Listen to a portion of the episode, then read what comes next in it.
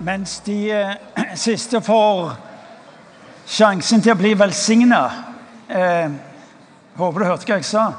Mens de siste får sjansen til å bli velsigna. For, for, det er jo det Skriften sier. At den som gir, blir velsigna. Og Noen tenker ja, men det er litt egoistisk. Ja, ja, Noen form for egoisme kan vi leve med. Så lenge det tjener andre. Noen er sånn at de tenker ja, men jeg kan jo ha egoistiske motiver for å være god mot andre, så jeg gjør det ikke. Hvem er det som ikke har egoistiske motiver? Jeg kaver med alt det det hele livet. jeg.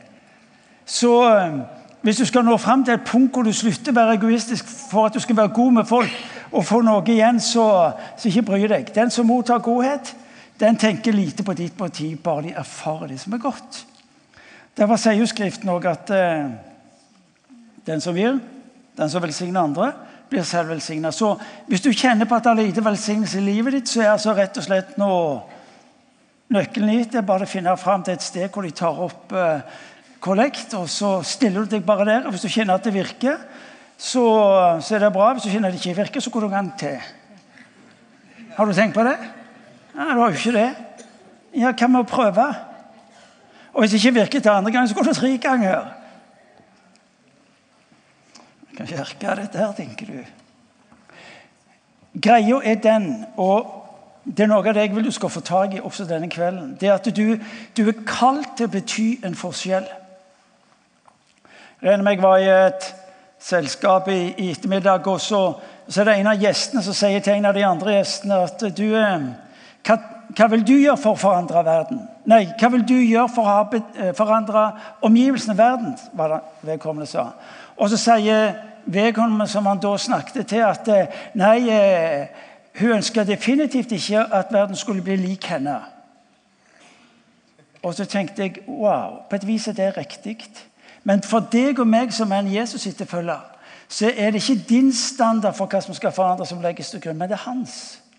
Og Det er et helt annet utgangspunkt. Det er en helt annen type virkelighet. Og det er noe av det vi skal snakke litt om i kveld. Hvordan kan du og meg faktisk betyr en forskjell av en slik karakter at denne verden forandres. Ikke ved at du tar deg sammen, ikke ved at du skjerper deg, men at du får lov til å gjøre de tingene Gud har kalt deg inn i, som han vil gjøre i og gjennom ditt liv. Men først eh, jeg, eh, Som Solvår sa, eh, jeg har hatt en fantastisk ferie. Og så pleier jeg å reise vekk i begynnelsen av august og januar i bønn og fase. Det har jeg gjort nå i nesten 40 år. Hvor jeg reiser vekk, og så har jeg egentlig én bønn, og det er den kjære Jesus. Hva gjør du nå? For jeg må bli en del av det. Eh, og Når folk spør meg ja, hva, hva vil du mene er, er noe av nøkkelen til det som skjer i Imestrøk, det, det er der hvor vi primært får lov til å være sammen som stab og som menighet med Han som har planer for våre liv. Eh, Imi kirke er ikke primært et resultat av mennesker som er gysla og glupe. Men det er primært mennesker som har ett rop. Jesus, hva er det du gjør? Og la oss bli en del av det. Slik at uka som ligger bak, så, så, har altså mitt fokus gjennom ei uke vært å si Jesus, hva, hva gjør du nå? La meg bli en del av det. Og Så ble jeg jo fortelle dette på ulike lederseminarer, og da, kommer alltid en eller annen press fram og sier han, du, hva, hva sier styret ditt når du, når du ikke gjør noen ting denne uka? Vi er så vant med å tenke at uh, i, i, Guds rike og i menighet så betyr det at det du gjør aktivt, da gjør du noe. Men faktum er den du er ikke mer i Guds rike enn du er på kne enn for hans ansikt. Og i morgen tidlig klokka ni så reiser hele staben vekk i tre dager. Hva rop er det de har? Kjære Jesus, hva er det du gjør? Og hjelp oss til å bli en del av det.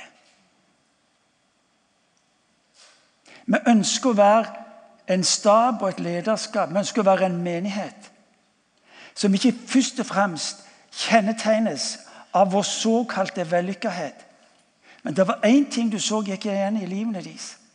Og det var at De hadde en desperasjon etter å få lov til å være sammen med Jesus på en slik en måte at liv forvandles, at samfunn ble forandra, at mennesker fikk nytt håp. Så du kan gjerne være med og be for denne gjengen som eh, menigheten har ansatt, den er ganske stor. Det pleier å være en fantastisk tid hvor Gud på et vis tar oss sammen, gir oss ett fokus og gir oss det vi trenger for å gå neste runde i menigheten. Og så på tirsdag, eh, dessverre denne gangen, så er det noen av oss som reiser til Asia. Vi skal både være i Thailand og så skal vi være i Kambodsja. Og være med på noe som jeg holdt nesten på å si det er et mirakel. Å se hvordan tusener på mennesker tar imot evangeliet. Hvordan disse menneskene får hjelp til å vokse i kjennskapen etter følgelsen av Jesus Kristus og bety en forskjell. Å se hvordan mennesker hvis såkalte status, såkalte bakgrunn, hvor de ikke har noen ting, verken kunnskap eller erfaring med Guds rike, omfavner det de får. Og så fremstår de plutselig som nasjonale ledere. Helt fenomenalt. Så hvis du orker og har litt tid og kan tenke deg å være med og be for de som reiser ut fordi at eh, Av og til tenker jeg hva i all verden skal jeg der ute gjøre? Og forkynne til de? Men det er visst slik at eh, hvis du bare har Hvis du er bleike, har lite hår eller alt etter sånn, så tror de at du kan mer enn de andre. Men saken er den det at det disse møter oss med liv, er det som gir oss håp og tro på at evangeliet har en enorm kraft til å skape forvandling i mennesker og i samfunn. Ja, det var altså innledningen.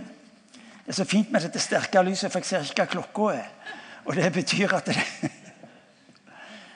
um, I dag vil jeg eh, ta dere med uh, og rett og slett gå ved sida av en ung mann som jeg har kjent i mange år, men som jeg de senere årene, og spesielt den senere tid, har fått lov til å lære mye av.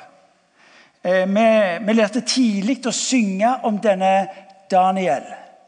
Våg å stå som Daniel. Men hvis Daniel er en som du bare ser tilbake på og sier han var egentlig spesiell, så mister du poenget. Fordi at Når Gud gir deg sitt ord, Bibelen, så er det ikke for at han skal øke kunnskapen din, men det er for at det som står her, skal være en påminnelse til deg at som jeg var for personene i Bibelen, vil jeg være i ditt liv. Bibelen er ikke primært gitt til informasjon, den er gitt til transformasjon. Og Når du leser i Guds ord om hva han taler, om hva han viser, hva han gjorde i andre mennesker sitt liv, skal du få lov til å si Wow! Kult! Kom an. Kan jeg få lov til å bli en del av dette? Fordi at Dette er egentlig vitnesbyrd. Når du leser Bibelen, er det egentlig vitnesbyrd. Vitnesbyrd om hva Gud vil gjøre igjen. Vitnesbyrd er lik vil gjøre igjen. Vil gjøre igjen. Vil gjøre igjen. Hadde det vært en amerikaner han hadde han sagt Se igjen. Vil gjøre igjen. Kom an. En gang til. I meg. En gang til. Ja, det var pinlig. I meg. Ah, hallo. Daniel, sammen med sine tre kamerater, kommer fra det såkalte Judariket, som i år ca. 600 før Kristus eh, ble okkupert av såkalt kong Nepokaneser fra et av verdensrikene. Bakgrunnen var at folket hadde levd i opprør og i synd mot den Gud som hadde velsignet det igjen og igjen og igjen. og igjen.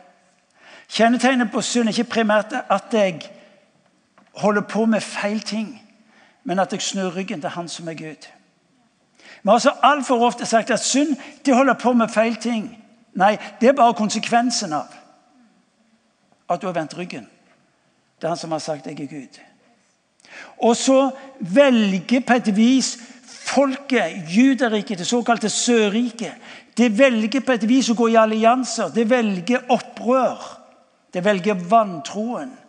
Og I det øyeblikket du og meg velger opprør og vantroen mot Guds ord, så velger vi å demontere Guds rikes muligheter imellom oss. Det var det de opplevde. Konsekvensen er de blir, eh, eh, eh, Babel går til krig mot Juda, mot Sørriket. I 605 så skjer den klassiske strategi for å ødelegge et folk. Det at de foretar en forflytning av innbyggerne i det landet, enten til sitt eget eller til et annet land. Og så forflytter de nye menneskegrupper inn i det opprinnelige landet. Og så ødelegges kulturen, så ødelegges tradisjonene, og så ender en opp med at landet sakte, men sikkert viskes ut. Og så leser vi om hvordan denne Daniel sammen med tre andre unge menn blir utvalgt til å få lov til å være i Nebukadnesar sitt hoff. Og så skal vi gå inn i beretningen. Og Vi skal lære fire-fem viktige ting av denne gutten og hans kamerater sitt liv, som jeg i dag, kanskje sterkere og mer tydelig enn noen gang før i livet mitt, kjenner at her vil jeg, her vil jeg bli utfordra. Og det er godt mulig at jeg ønsker å se noe til dere som er menn. For det er menn vi snakker om. Men det viser seg igjen og igjen at det er unnskyld uttrykket, det er kvinnfolka som på et vis tar og springer med mye av dette som står i Bibelen. Vi savner noen av mannfolka som står opp og sier vet du hva, det som står her, taler Gud inn i mitt liv fordi at jeg skal bety en forskjell og bety en forandring i dette landet. Daniel sammen med sine tre kamerater de får nye navn. Eh, de gamle husker du ikke likevel, men de nye eh, Daniel Kom an! Sadrak og Abednego. Ja, det er klart det. Dere har jo gått på søndagsskolen hele bunten. De blir invitert Nei, de blir ikke invitert til feil sand, men de blir plassert i en situasjon full av privilegier, full av muligheter, full av det som skulle på en vis kunne lette smerten av å ha tapt en krig, bli tatt fra familiene og plassert i et vilt fremmed land eh, med en helt ny type kultur. Det interessante er at eh, de blir fortalt at i dette slottet så er dette kulturen, dette livet, dette maten. Det skal dere forholde dere til. Det er det dere skal gjøre. Kan du selv tenke deg unge mennesker i den situasjonen? Bare å komme inn i palasset må jo ha vært en gedigen opplevelse. Poenget er i den situasjonen er det noe som tyter fram i disse fire unge menn sitt liv. Det som tyter fram, det er troen på Javé. Det er troen på den Gud som de har hørt om, og som de har lært å forholde seg til. Den den kultur og den tradisjon som de har vært en del av, til tross for at de nå flytter fra sitt hjemland til et nytt hjemland. Og I det øyeblikket de blir konfrontert med at de skal bli som de såkalte innbyggerne i det landet, så er det noe som skjer hos dem. Nå skal du høre igjen. Den viktigste måten som Satan kan få lov til å ødelegge en såkalt kristen nasjon. Ikke at du og meg gjør hele veien feil ting, men at vi velger å bli spist opp av den gjeldende kulturen i dette landet. For det var det de fire skulle. De skulle med sin såkalte unikhet tas inn i en ny kultur. Og så skulle de bli preget på en slik en måte at det var denne kultur og dette livet de skulle ta med seg ut. Måten som djevelen spiser oss opp på i vår verden, i vår tid, i dette landet, det er at den gjeldende kulturen sakte, men sikkert spiser seg inn i våre liv som kirke og som kristne. Og så blir vi utydelige, vi blir utvanna. Vi har overhodet ingen relevans for våre omgivelser. Vi skal lære noe av Daniel. For Når da Daniel blir invitert til å gå inn i denne privilegerte settingen, så sier han nei takk. Jeg vil ikke. Og så får han favør. Få tak i dette. Den som velger Gud, er lovt favør. I 5. Mosebok så står det i 5. Mosebok kapittel Og du som har Bibelen med deg, eller du kan det utenat, så står det i 5. Mosebok kapittel 5 og 6 så står det så følg da trofast det som Herren deres Gud har pålagt dere. Vik ikke av til høyre eller til venstre. Følg alltid den veien som Herren deres Gud har pålagt dere å gå. Da skal dere få leve. Det skal gå dere vel, og dere får bo lenge i det landet dere tar til eie. Og så kapittel 6, vers 3. Hør da, Israel, legg vind på å leve etter dem. Da skal det gå deg vel. Dere skal bli tallrike, slik som Herren deres fedres Gud har lovet i et land som flyter av melk og honning. Det står du skal gjenta dem for dine barn og snakke om dem når du sitter i ditt hus og når du går på veien, når du legger deg og når du står opp. Du skal binde dem om hånden som et tegn og ha dem på pannen som et merke. Du skal skrive dem på dørstolpene i huset og på portene dine. Og så lyder det samme løftet til Josva når han går inn i det lovede land. Hold deg til mitt ord. Der står Daniel konfrontert med skal jeg velge privilegiene, overklasselivet, muligheten til å gjøre situasjonen best mulig, eller skal jeg våge å være tro mot løftet som har, som har lytt til fedrene gjennom generasjoner? Og han velger det siste. Hør en gang til. Når du velger Gud for ditt liv, velger du, så lar du Han slippe til med sin favør. Vi leser om, eh, vi leser om samme beretning hos Josef. Han kom til Potifars hus og leser om beretningen Josef i, eh, i første Mosebok fra kapittel 39 og utover. Du leser om en som velger å holde fast på det Gud har gitt ham gjennom sitt ord. Og så står det at pga. Josef gikk det godt i huset til Potifar. Daniel valgte, Daniel valgte å være tro mot den Gud han hadde lært å kjenne, den Gud han trodde på. Og så ber han den ansvarlige i kongens hoff gi oss muligheten til å demonstrere at det liv vi er kalt til å leve, har en annen kvalitet, har et høyere nivå, om du vil, enn det du nå inviterer oss med denne maten. Og så sier de nei til å skulle gå inn i de omgivelsene representerte. Og så står det om eh, disse unge fire menn. Daniel bestemte seg for at han ikke ville gjøre seg uren med maten og vinen fra kongens bord. Og så står det Gud lot hoffsjefen for godhet og velvilje for Daniel. Gud lengter etter at mennesker skal få godvilje for deg og ditt liv. Hør nå godt etter. Gud lengter etter å få se mennesker få godvilje for deg og ditt liv når du går med Gud.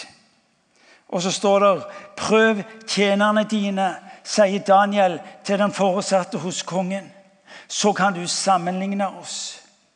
Så står det at da de ble ført fram etter ti dager, var de annerledes enn de andre.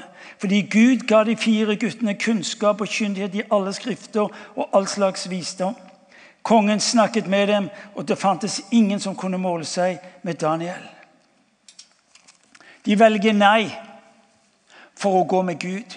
De velger nei for å være tro mot ordet og mot hvem Gud er. Det kreves mot. Det kreves mot for å være annerledes.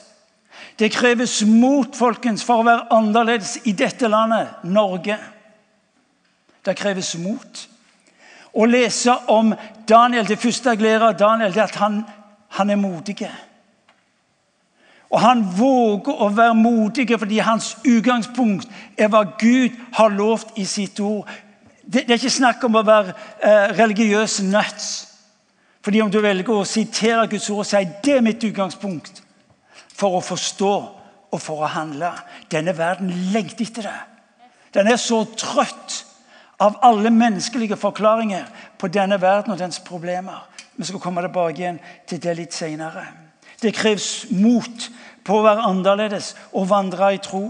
Fokus blir Gud. Det aner meg at eh, Daniel og Sadak Mesak og Abed-Nego hadde ett fokus. Gud, hva gjør du her? Kirka Kirka representerer en gudsrike kultur. Og for å bli i historien Det var dette som Daniel brakte med seg inn i Babel, dette verdensriket.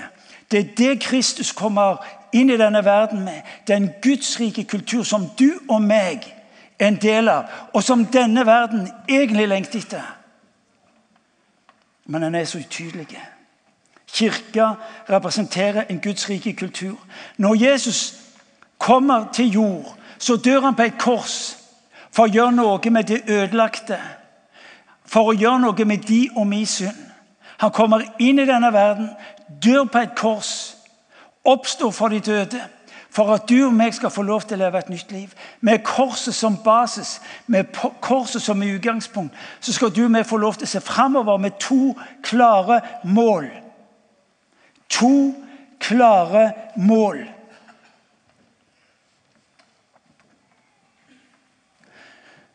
Det å se ditt eget liv være gjenstand for forvandling. Det som en gang var, er ikke lenger. Se, jeg gjør noe nytt. Ditt liv, uansett hva slags type regnestykke du hadde på ditt liv i dag Ved min kraft, ved at jeg har tatt bolig i ditt liv, har det skjedd en forvandling. forvandling. Men det tredje som jeg glemmer, og som jeg vil du skal få tak i, det er innflytelse. Der hvor Jesus gikk fram, hadde han innflytelse på sine omgivelser. Og Når du leser kirkehistorien, så vil du oppdage så vil du oppdage at der hvor kirka gikk fram, representerte de innflytelse. Og du fikk se Guds rike, hvordan det gikk igjen på bauger og kanter eh, inn i de ulike kulturene. Jesus kom for frelse. Jesus kom for gjenopprettelse og forvandling. Jesus kom for innflytelse. Eh, Daniel demonstrerer for oss et liv inn i innflytelse. Ja, Hvordan er det mulig? Mens Daniel snakket om Gud i himmelen, får du og meg snakke om den Gud som har tatt bolig i våre liv. Det er en konsekvens av korset. Korset har som mål å løfte vekk og fylle opp. Bli i meg, sier Jesus, så blir jeg i dere. Det er den gedigne forskjellen på Daniels liv og ditt og mitt liv. Han er alltid med oss. Han trekker seg ikke ut. Så nevnes i beretningen om Daniel hvordan Daniel, enten alene eller sammen med teamet sitt, de andre tre For oss blir det også som menighet, som et team, å skulle få lov til å bety denne forskjellen. Hør, menigheten er på et oppdrag hvor vi gjerne kan si 'mission possible'. Altfor mange satt med en forståelse av at kirkas oppdrag og oppgave var en umulighet. Vet du hva? Det hadde vært ekstremt dårlig gjort hvis Jesus sa til disiplene sine at gå ut og gjør denne, folk, denne verden, gjør alle folkeslag til mine disipler.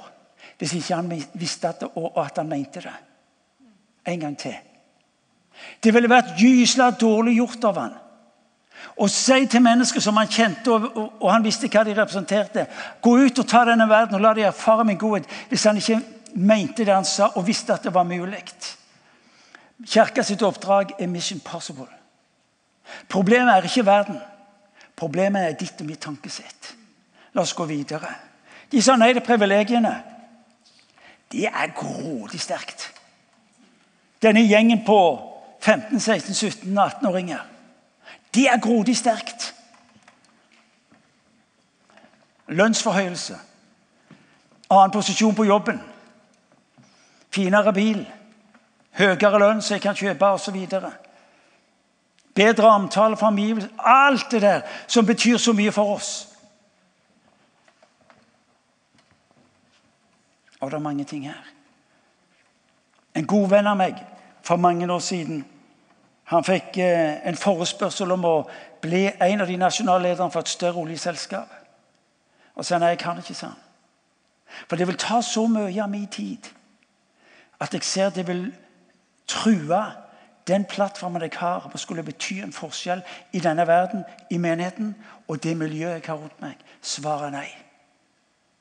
Han takker nei til en lønnsforhøyelse på flere millioner kroner. Daniel sa nei til det som kunne gitt han et liv som alle i Babel ville lengta etter å ha. Fordi han hadde, han hadde en type autopilot som var stilt inn på hva han skulle gå for. Og han ville ikke miste det. Og Når du leser om hva som er Daniel sitt liv videre utover, så vil du skjønne at Gud, han må vi lære av. Han må vi ta etter. Nei, det er privilegiene. Det du, det du leser i første del Tenk, dette er bare første delen. Vi snakker om innvielse. Dette er mitt utgangspunkt. Det andre er, det er at eh, han kalles til å være en profetisk stemme inn i dette verdensriket. Og du og jeg kan tenke hva i all verden betyr det? Vi har, vi har fått en ringeakt for det såkalte profetiske. Vi har gitt en type karikatur som gjør at det har trange kår mellom oss. Paulus sier 'ringakt, ikke profetisk tale'. Det interessante er at Moses sier i andre Mosebok jeg skulle ønske at alt Guds folk var, prof var, var profeter. Paulus sier i 2. brev Korintian kapittel 14 la, hjelp alle til å tale profetisk. Vi lever i en tid hvor eh, kirka ikke lenger representerer en profetisk røst inn i samfunnet. Det interessante er at når du leser hva som skjer med Daniel, så er utgangspunktet for at han får posisjonen som han eh, blir gitt, det er at kongen, lederskapet, vet ikke å forstå tida eller det ligger foran dem. Og Så sender de bud over landet og så spør de, hvordan skal vi forstå det som skjer. Hvorfor i all verden sender ikke statsministeren og Stortinget med regjering henvendelse til kirka og spør du, hjelp oss til å forstå tida vi lever i? Hva er viktig for oss å gjøre? Er det fordi at Kirka har mista sin profetiske spiss? Jeg tror svaret er ja.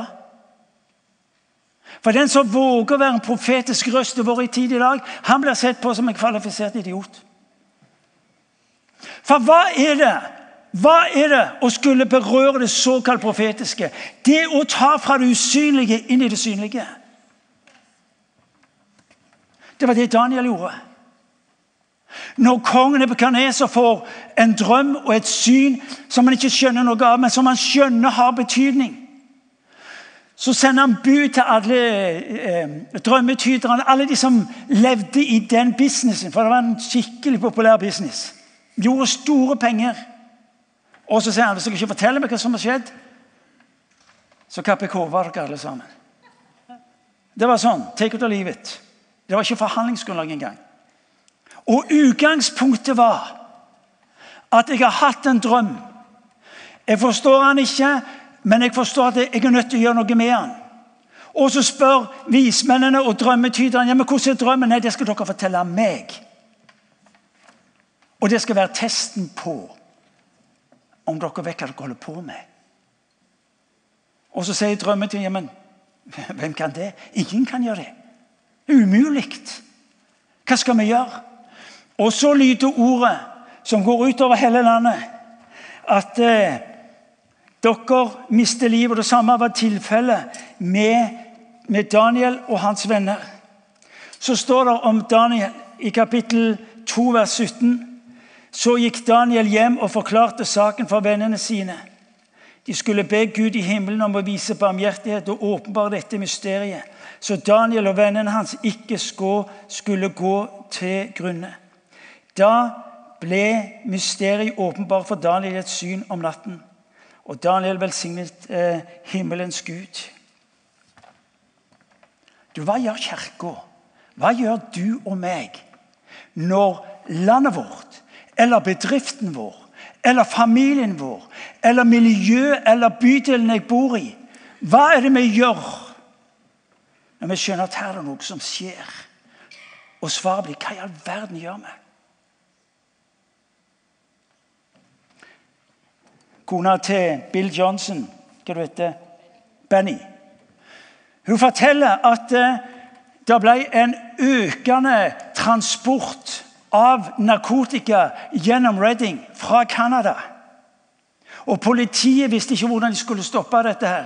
Hvorpå Benny og hennes eh, medbedere ba til Gud om at de skulle gi dem åpenbaring, så de kunne gå inn og så møte problemer. Så forteller Benny at etter en tid så begynner Gud å åpenbare steder, veier, hvem som holdt på med dette. her, Og politiet kunne gå inn og så kunne de løse saken. Hvorfor kom ikke myndigheten til kirka og sa vet du hva, vi har et problem som vi ikke rår med? Vi, vet ikke lenger hva skal vi gjøre, hva vi skal gjøre. Og så får Kirka få lov til å bety en forskjell. Ved å hente ut ifra det usynlige, inn i det synlige. Vet du hva? Da skal jeg fortelle dere folk i denne byen blir. Hva i all verden er de kristne holder på med? De henter ressurser, de henter kraft ifra et sted som vi ikke kjenner til, men som betyr en forskjell. Folk, jo da, vi skal få lov til å tale imot viktige etiske saker, men jeg har en jeg har en lengsel etter å se at kirka blir et sted hvor folk kommer til, hvor de ber oss om å hente ut ifra det usynlige inn i det synlige. Det var det Daniel gjorde. Og Når da svar og løsning fra Daniel og hans venner kommer fram, så løftes de fram, og de forfremmes. Sannelig er kongen Epikanesers bekjennelse. Sannelig, deres Gud er Gud over alle guder og herre over alle konger.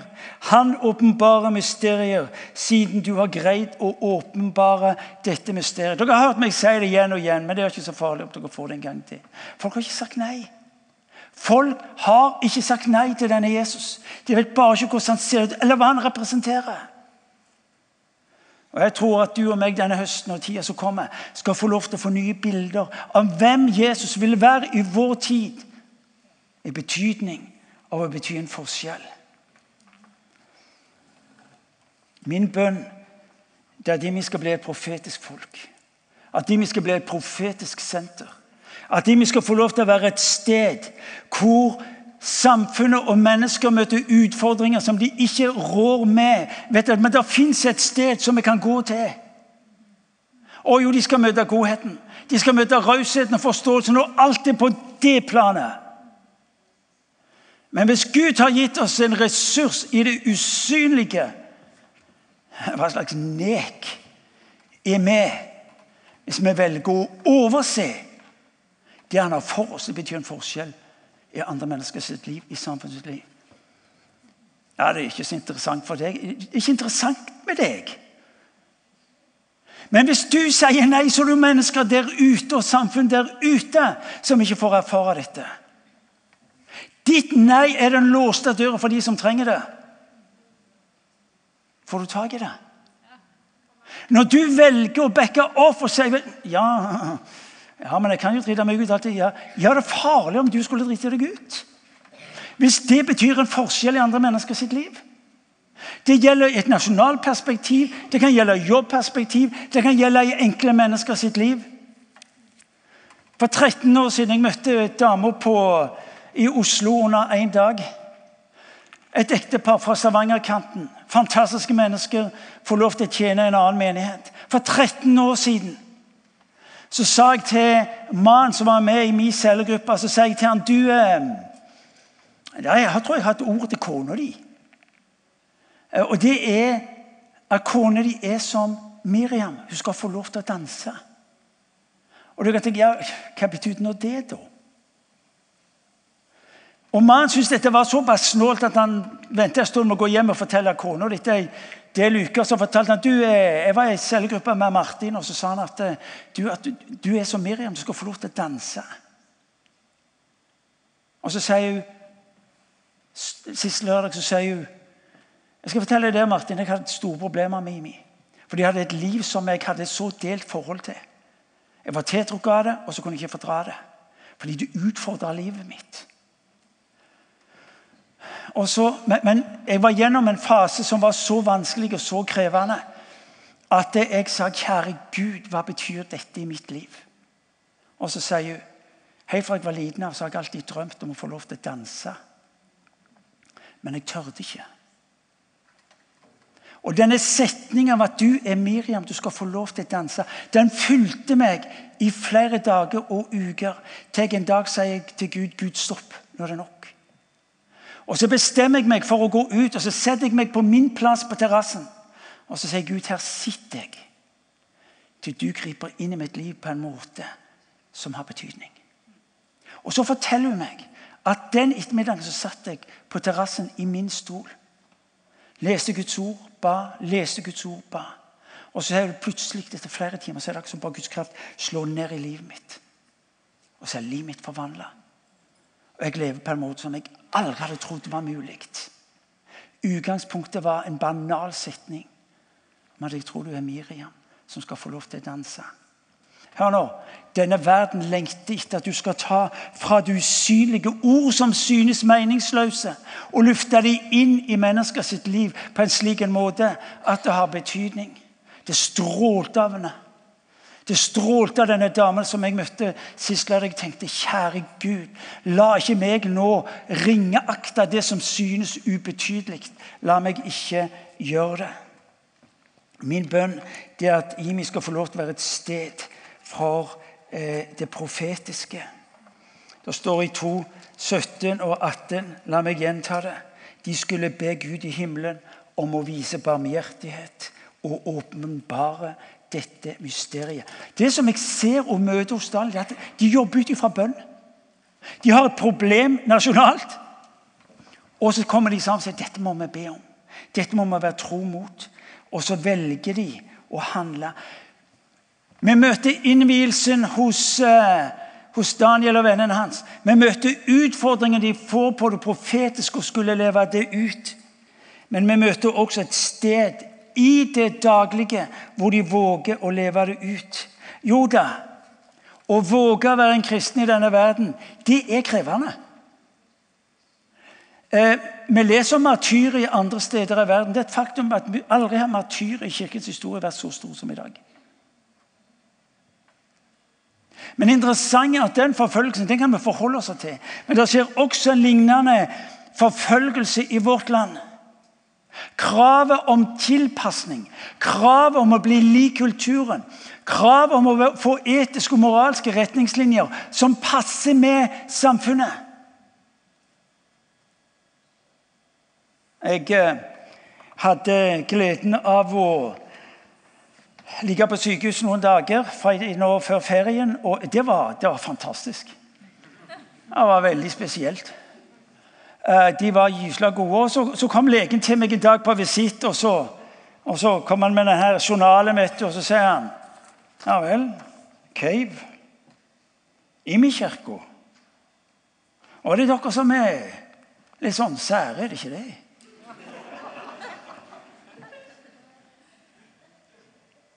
Ja, det er dere som er mot homofile prester.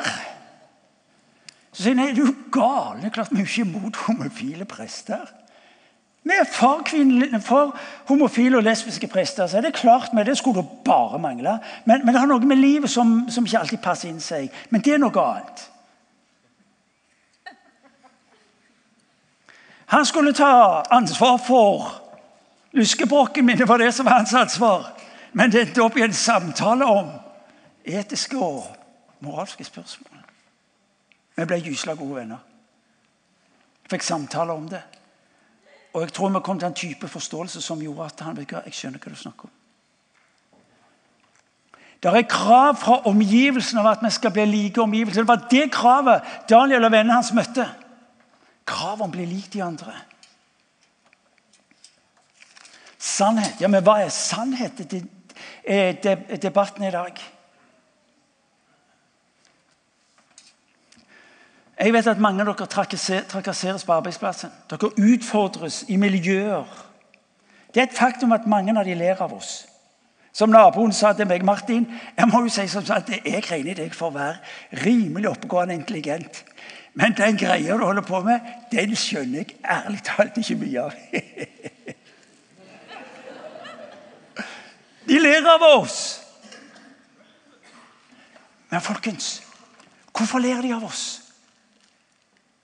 Hvorfor ler de av oss? Skal vi lære av Daniel, som henter fra det usynlige inn i det synlige? Som gir dem en erfaring og nærkontakt med et annerledes rike? Med en annen type liv og kultur? Var det denne berømte pinsevennen min dere Ja? Ja, nå er det to stykker. Det er bra. Vet du hva som er din og min store utfordring? For å ha en betydning i samfunnet Det er ikke primært at du og meg ikke 100% klarer å leve sånn som vi skulle gjøre, for vi har veldig strenge idealer for våre egne liv. Det er tausheten vår. Det er tausheten Vi tilpasser oss. Det står i, det står i, i, i eh, om at eh, de skulle bøye kne. Du vet, Når du bare får nok penger og posisjon Nebukadneser bygde en, en, figur av seg sjøl, og kravet var at alle skulle bøye kne. Og De som bøyde kne, de var safe. De som ikke bøyde kne, de ville bli henretta, kasta i ildovnen.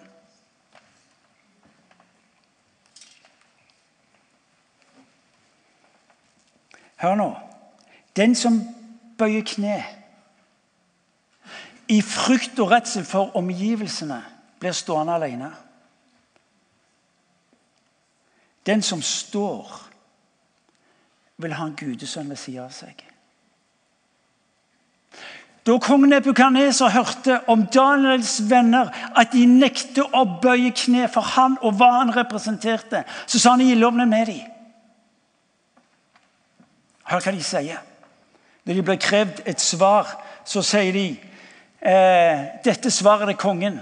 Igjen er det ungdommer, og de sier vi behøver ikke å svare deg på dette. Fascinerende.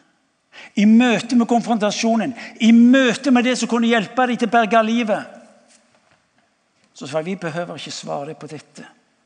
Om den Gud som vi dyrker, kan berge oss ut fra ovnen med flammende ild og fra din hånd, konge, så vil han berge oss. Piece of cake. Og om han ikke gjør det, skal du vite, konge, at vi likevel ikke vil dyrke din Gud og ikke tilbe gullstatuetten, statuen du har reist. Er det oppfatta?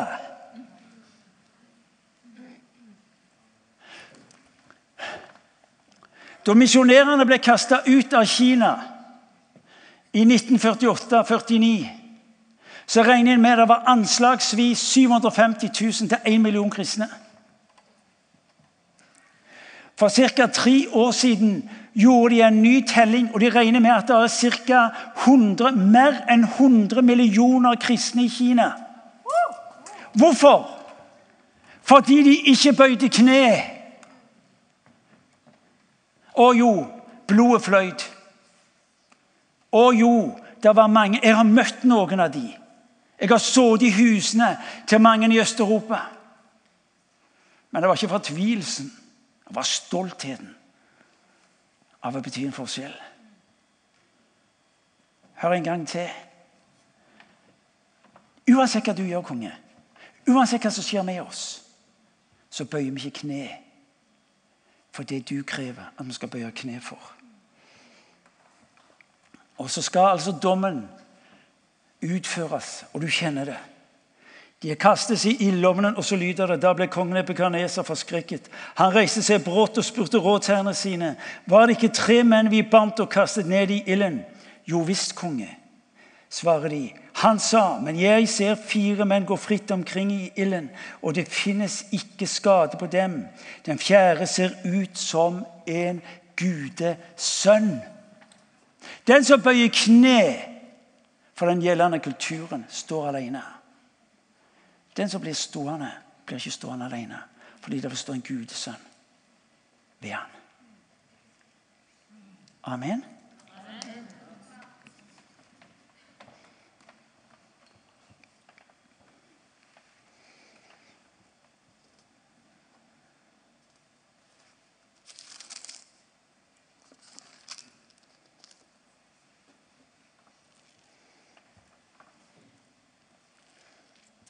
Hva med deg?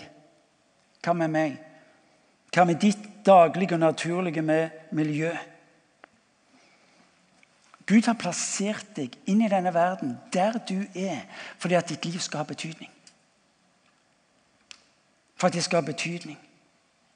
Ofte så ber vi om å få slippe de vanskelige og umulige situasjonene. Arbeidsplassen, eller skal skje noe med familien vår. Når Gud har satt deg der du er, så er det med tanke på forvandling. Av at du har favør. Tenk deg når du går på din arbeidsplass. Tenk deg når du går inn på din arbeidsplass mandag morgen eller hva tid det måtte være utover, så vet du at jeg har favør. Som Daniel hadde favør til å bety en forskjell. Får jeg som Guds sønn eller datter ha favør? Hør nå. Istedenfor å be om å slippe arbeidsplassen eller den umulige situasjonen, så la bønnen din bli Gud. Vil du hjelpe meg å hente ut ifra det usynlige inn i det synlige, slik at ditt navn her kan bli synlig og æra? Nøkkelen i Daniel sitt liv leser du om i kapittel 6 i vers 11. Tre ganger om dagen falt Daniel på kne for sin Gud med bønn og lovprisning, for slik hadde han alltid gjort. Fascinerende. Hvor var intelligensen? Hvor var strategien? Hvor var alt det som tilsa at han klarte det han klarte? Hør nå. Daniel har et budskap han, på det spørsmålet. Han sier jeg innretta livet mitt etter hva som var behovet. Og behovet var bønnen. Og bønnen det er det å få lov til å være en del av Guds usynlige og synlige verden. Og ut ifra det har jeg fått lov til å bety en forskjell. Han stolte på sin Gud, står der i kapittel 6, vers 24. Daniel, Daniel eh, hadde stolt på sin Gud. Hør nå. Vi forandrer ikke landet vårt med lover.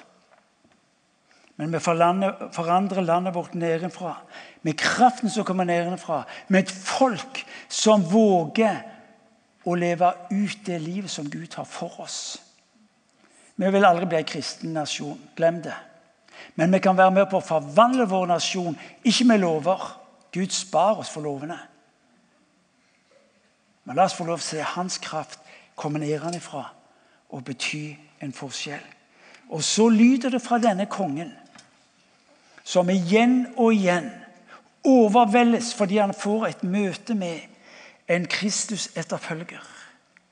Eh, det står om Daniel etter at han var blitt kasta i løvehula, og løven ikke rørte han, så leser vi at eh, når Gud har spart Daniel og gitt kongen det han trenger, så lyder det ifra hedningen rikelig fred. Hermed gir jeg påbud om at overalt i mitt kongerike, så langt mitt velde når, skal folket frykte og skjelve for Daniels Gud. For han er den levende Gud. Han blir til evig tid. Hans kongerike går ikke til grunne. Hans velde er uten ende. Han berger og redder. Han gjør tegn og under i himmelen og på jorden. Han berget Daniel fra løvens klør. Det er hedningen som bekjenner Vet du hva, folkens? Jeg lengter å høre etter at hedningene i Norge bekjenner på kirka at kirka er et sted hvor den levende Gud har synliggjort seg mellom oss. Så skal jeg slutte. Begynne å slutte. Nøkkelen som du ser i Daniels liv, ikke primært at nå, nå må jeg be, men han innretter livet sitt ut ifra en kilde. Og ifra denne kilden får han lov til å ta til seg det han trenger for å møte livet. En gang til. Kilde er ikke primært noe jeg gjør. Bønnen er å skulle få lov til å orientere livet sitt ut ifra en kilde hvor jeg har det jeg trenger for å møte det livet som jeg er plassert inn i. Og så leser vi i Daniels bok kapittel 10 om at Daniel er en situasjon hvor han møter det håpløse og vanskelige. Og så møter vi bønnen i Daniels liv. La meg utfordre dere litt. Vårt forhold til bønn er ofte sånn prega av uh, automatholdning. Av og til møter jeg folk som sier jeg ba, men det skjedde ingenting. Jeg eh, stappa inn en bekjennelse, et bønnebehov, og så sto jeg i andre enden og skulle ta ut, men det kom ingenting. Og Så prøver jeg en bekjennelse til og en bønn til, og så går jeg igjen til andre. Så, og så nei da, det skjedde ingenting. Og så Jo, jeg hadde jeg bedt, men det skjedde ikke noe. Jesus sa, 'Be og bli ikke trøtte'. Én bønn får du svar. Halleluja. Én bønn fikk ikke svar. Ja, det var Guds vilje. Vi lever med sånn en automatholdning til bønnen. I kapittel 10 ser du hvordan bønnen er nøkkelen i Daniel sitt liv. Og ordet du skal få med deg, er utholdenhet. Det som Daniel opplever, det er at det er en stor, hard, krevende strid foran seg. Det står om Daniel at han faster og ber i tre uker. Ingenting skjer. Han kjenner seg kraftløs. Det er noe ved Daniel sitt liv som blir for meg igjen en påminnelse om at når du og meg ber, berører vi noe av den usynlige verden. Dette må du få med. For når du ber, kobles du til det usynlige. Du kobles til Gud den allmektige. Og så lyder det hos Daniel i kapittel 10, vers 12. Så sier han til meg, denne som himmelen har sendt til Daniel, vær ikke redd, Daniel. For fra den første dagen du vil gitt ditt hjerte til å vinne innsikt og til å ydmyke deg for din Gud, er ordene dine blitt hørt. På grunn av ordene dine har jeg kommet.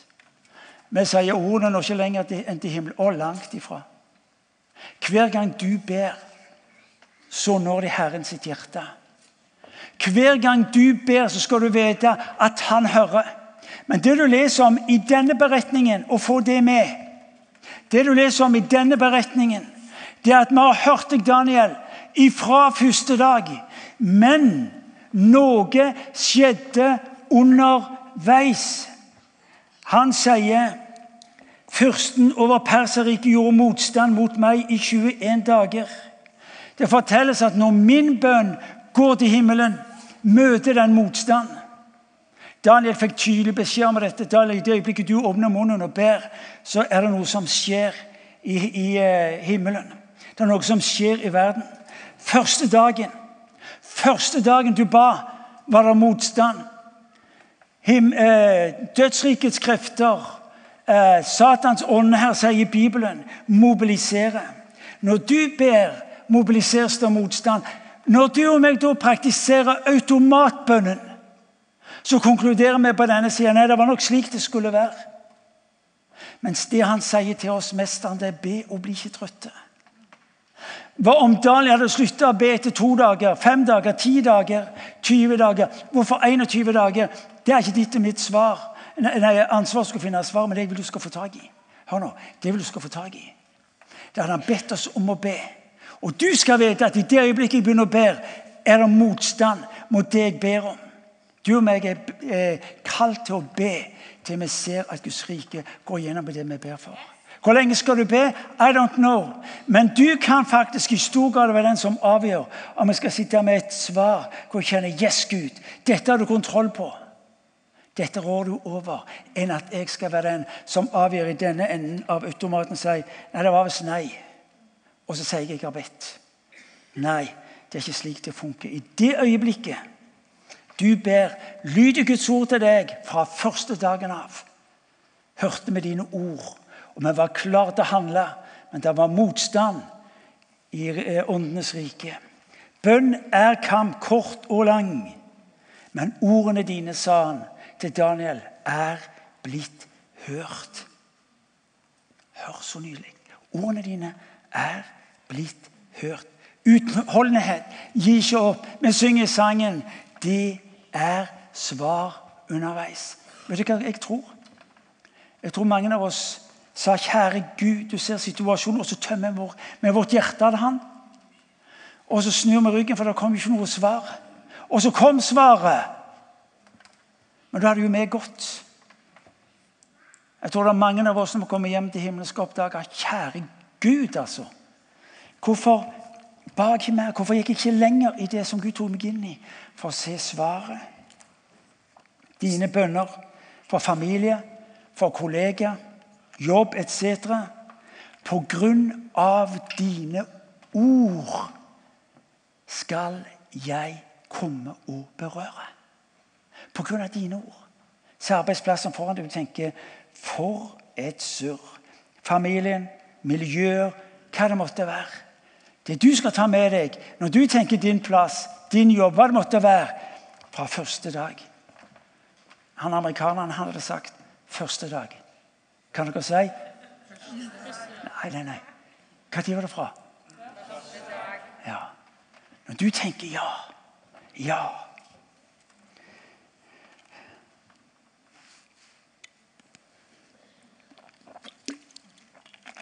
Det tar på å ikke ha spist på ei uke og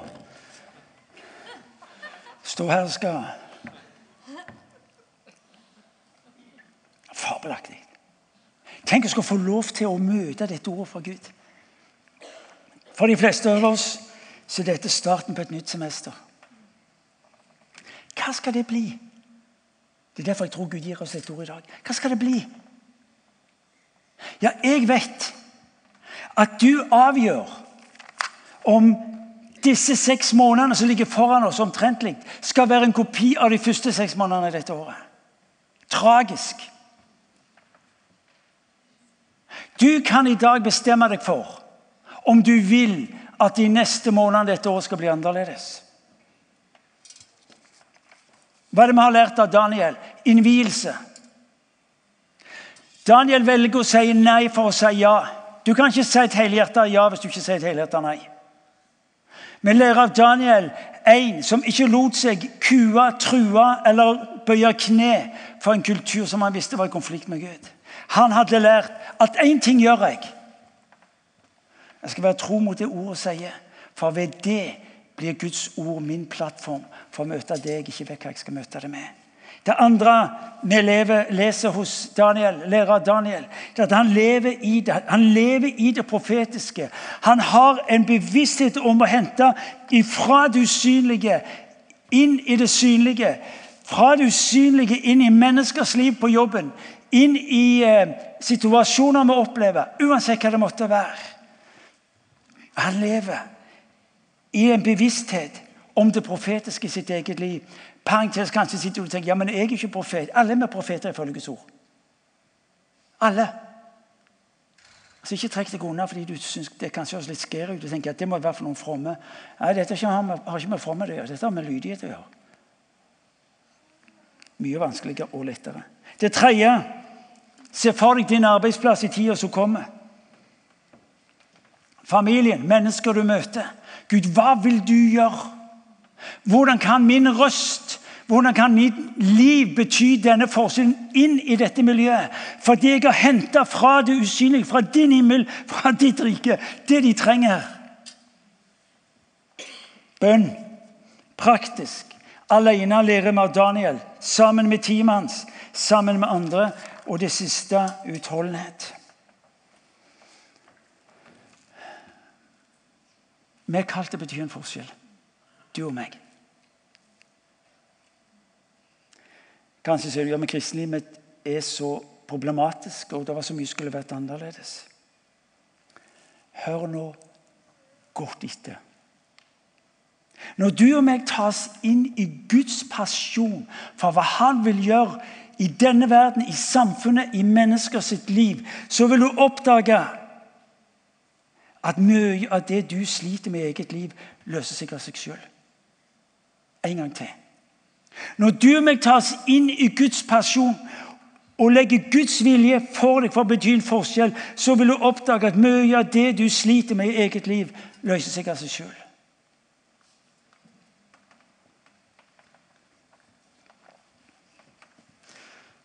Bildet er så banalt. Men hvis du har kjørt en bil dødkjørt, ikke sant vel? Det sitter en bilmann her nede. Hvis han er dødkjørt, så får du, du, får ikke, du får ikke drag på han, du får ikke tempo opp, du får ikke kraften i han. Men hvis du kjører han litt noen omganger og kjører han noen på motorveien Første gir langt ut, og tredje gir langt ut. alt det der, Så, så, så forsvinner sot. Gjør det ikke det fra innsida av sylinderen? må se på bilmannen her nede. Når du og meg med det som skulle vært annerledes i våre liv, blir en del av Guds person for å bety en forskjell i denne verden, så vil du oppdage at sotet, det som skulle vært annerledes, det som du sliter med Det er det ikke lenger. Det har ikke den betydningen lenger. Det preger deg ikke lenger. Så får du se at Gud forvandler for at du tar inn i hans. Hva vil du skrive på ditt liv i desember? La oss reise oss.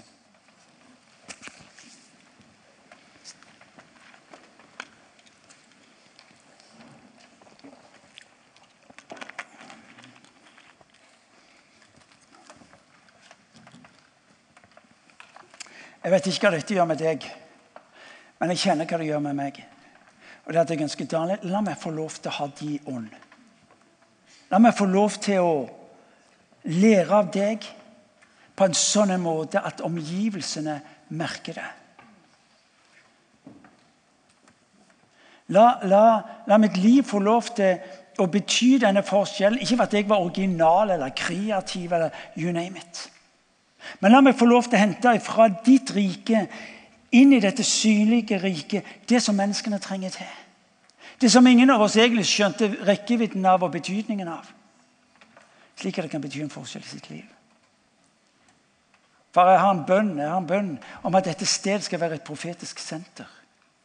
Fordi det var et sted hvor mennesker visste at de møtte det fra Gud som de trengte for sitt liv. For familie, for miljø, for samfunn og arbeidsplass. Så det vil jeg at vi skal gjøre, at du skal få lov til å være med i denne bønnen. Så kan du legge ditt hjerte i den.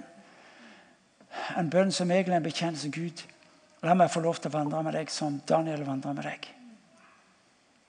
Hvis jeg er feig, Herre, så ber jeg om at du skal gjøre noe med det og gi meg mot.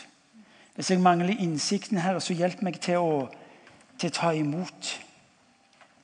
Det interessante er at når, når Jesus eh, har vært sammen med, med disiplene på, den, på, sjøen, og båten holder på å gå ned, så, så stiller han sjøen og så sier han til dem noe om de harde hjertene. Han, sier, han henvender seg til disiplene og sier hvorfor har dere så harde hjerter. Det motsatte av harde hjerter er ikke et mykt hjerte. Det motsatte av et hardt hjerte er et åpent hjerte. La meg få lov til å starte denne høsten Gud, med et åpent hjerte. Slik at jeg får ta imot det som jeg vet du har for de menneskene som er rundt meg. Du og meg er kalt til ikke primært å være en endestasjon. I meg ikke en endestasjon. I meg er primært en sendestasjon. Det er det du og meg er kalt til å være en del av. Så la oss be.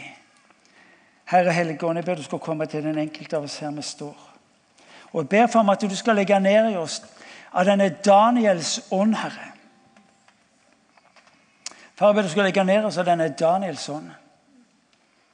Som vågte å stå, Herre, der de andre knelte. Som vågte å hente, Herre, fra ditt rike inn i dette riket fordi menneskene trengte det.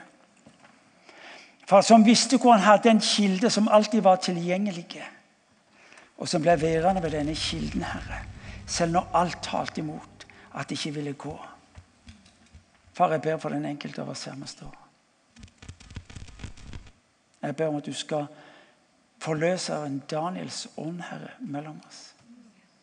Så er det din ånd, Herre. Det er det det er. Far, du kjenner oss her vi står. Jeg ber du skal hjelpe den enkelte av oss, Herre Jesus, til å våge å stå opp som vi synger i sangen, som Daniel. Far, jeg ber at du skal La oss få lov til her. Vi er mange nok til å forvandle denne byen noe aldeles drabelig. For jeg ber om at Når historien skal skrives i desember, Herre, så var det en historie her om at ditt rike gikk fram med vanlige mennesker. Med vanlige mennesker som vågte å hente ut ifra ditt rike, Herre. For vi velsigner.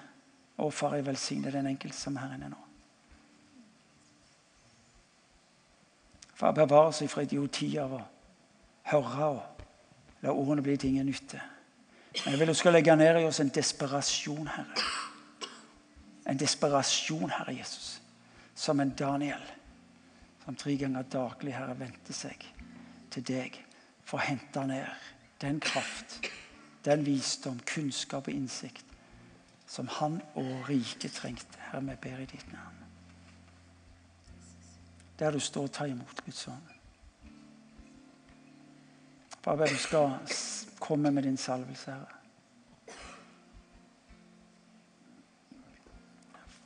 Kom, Hellige Ånd.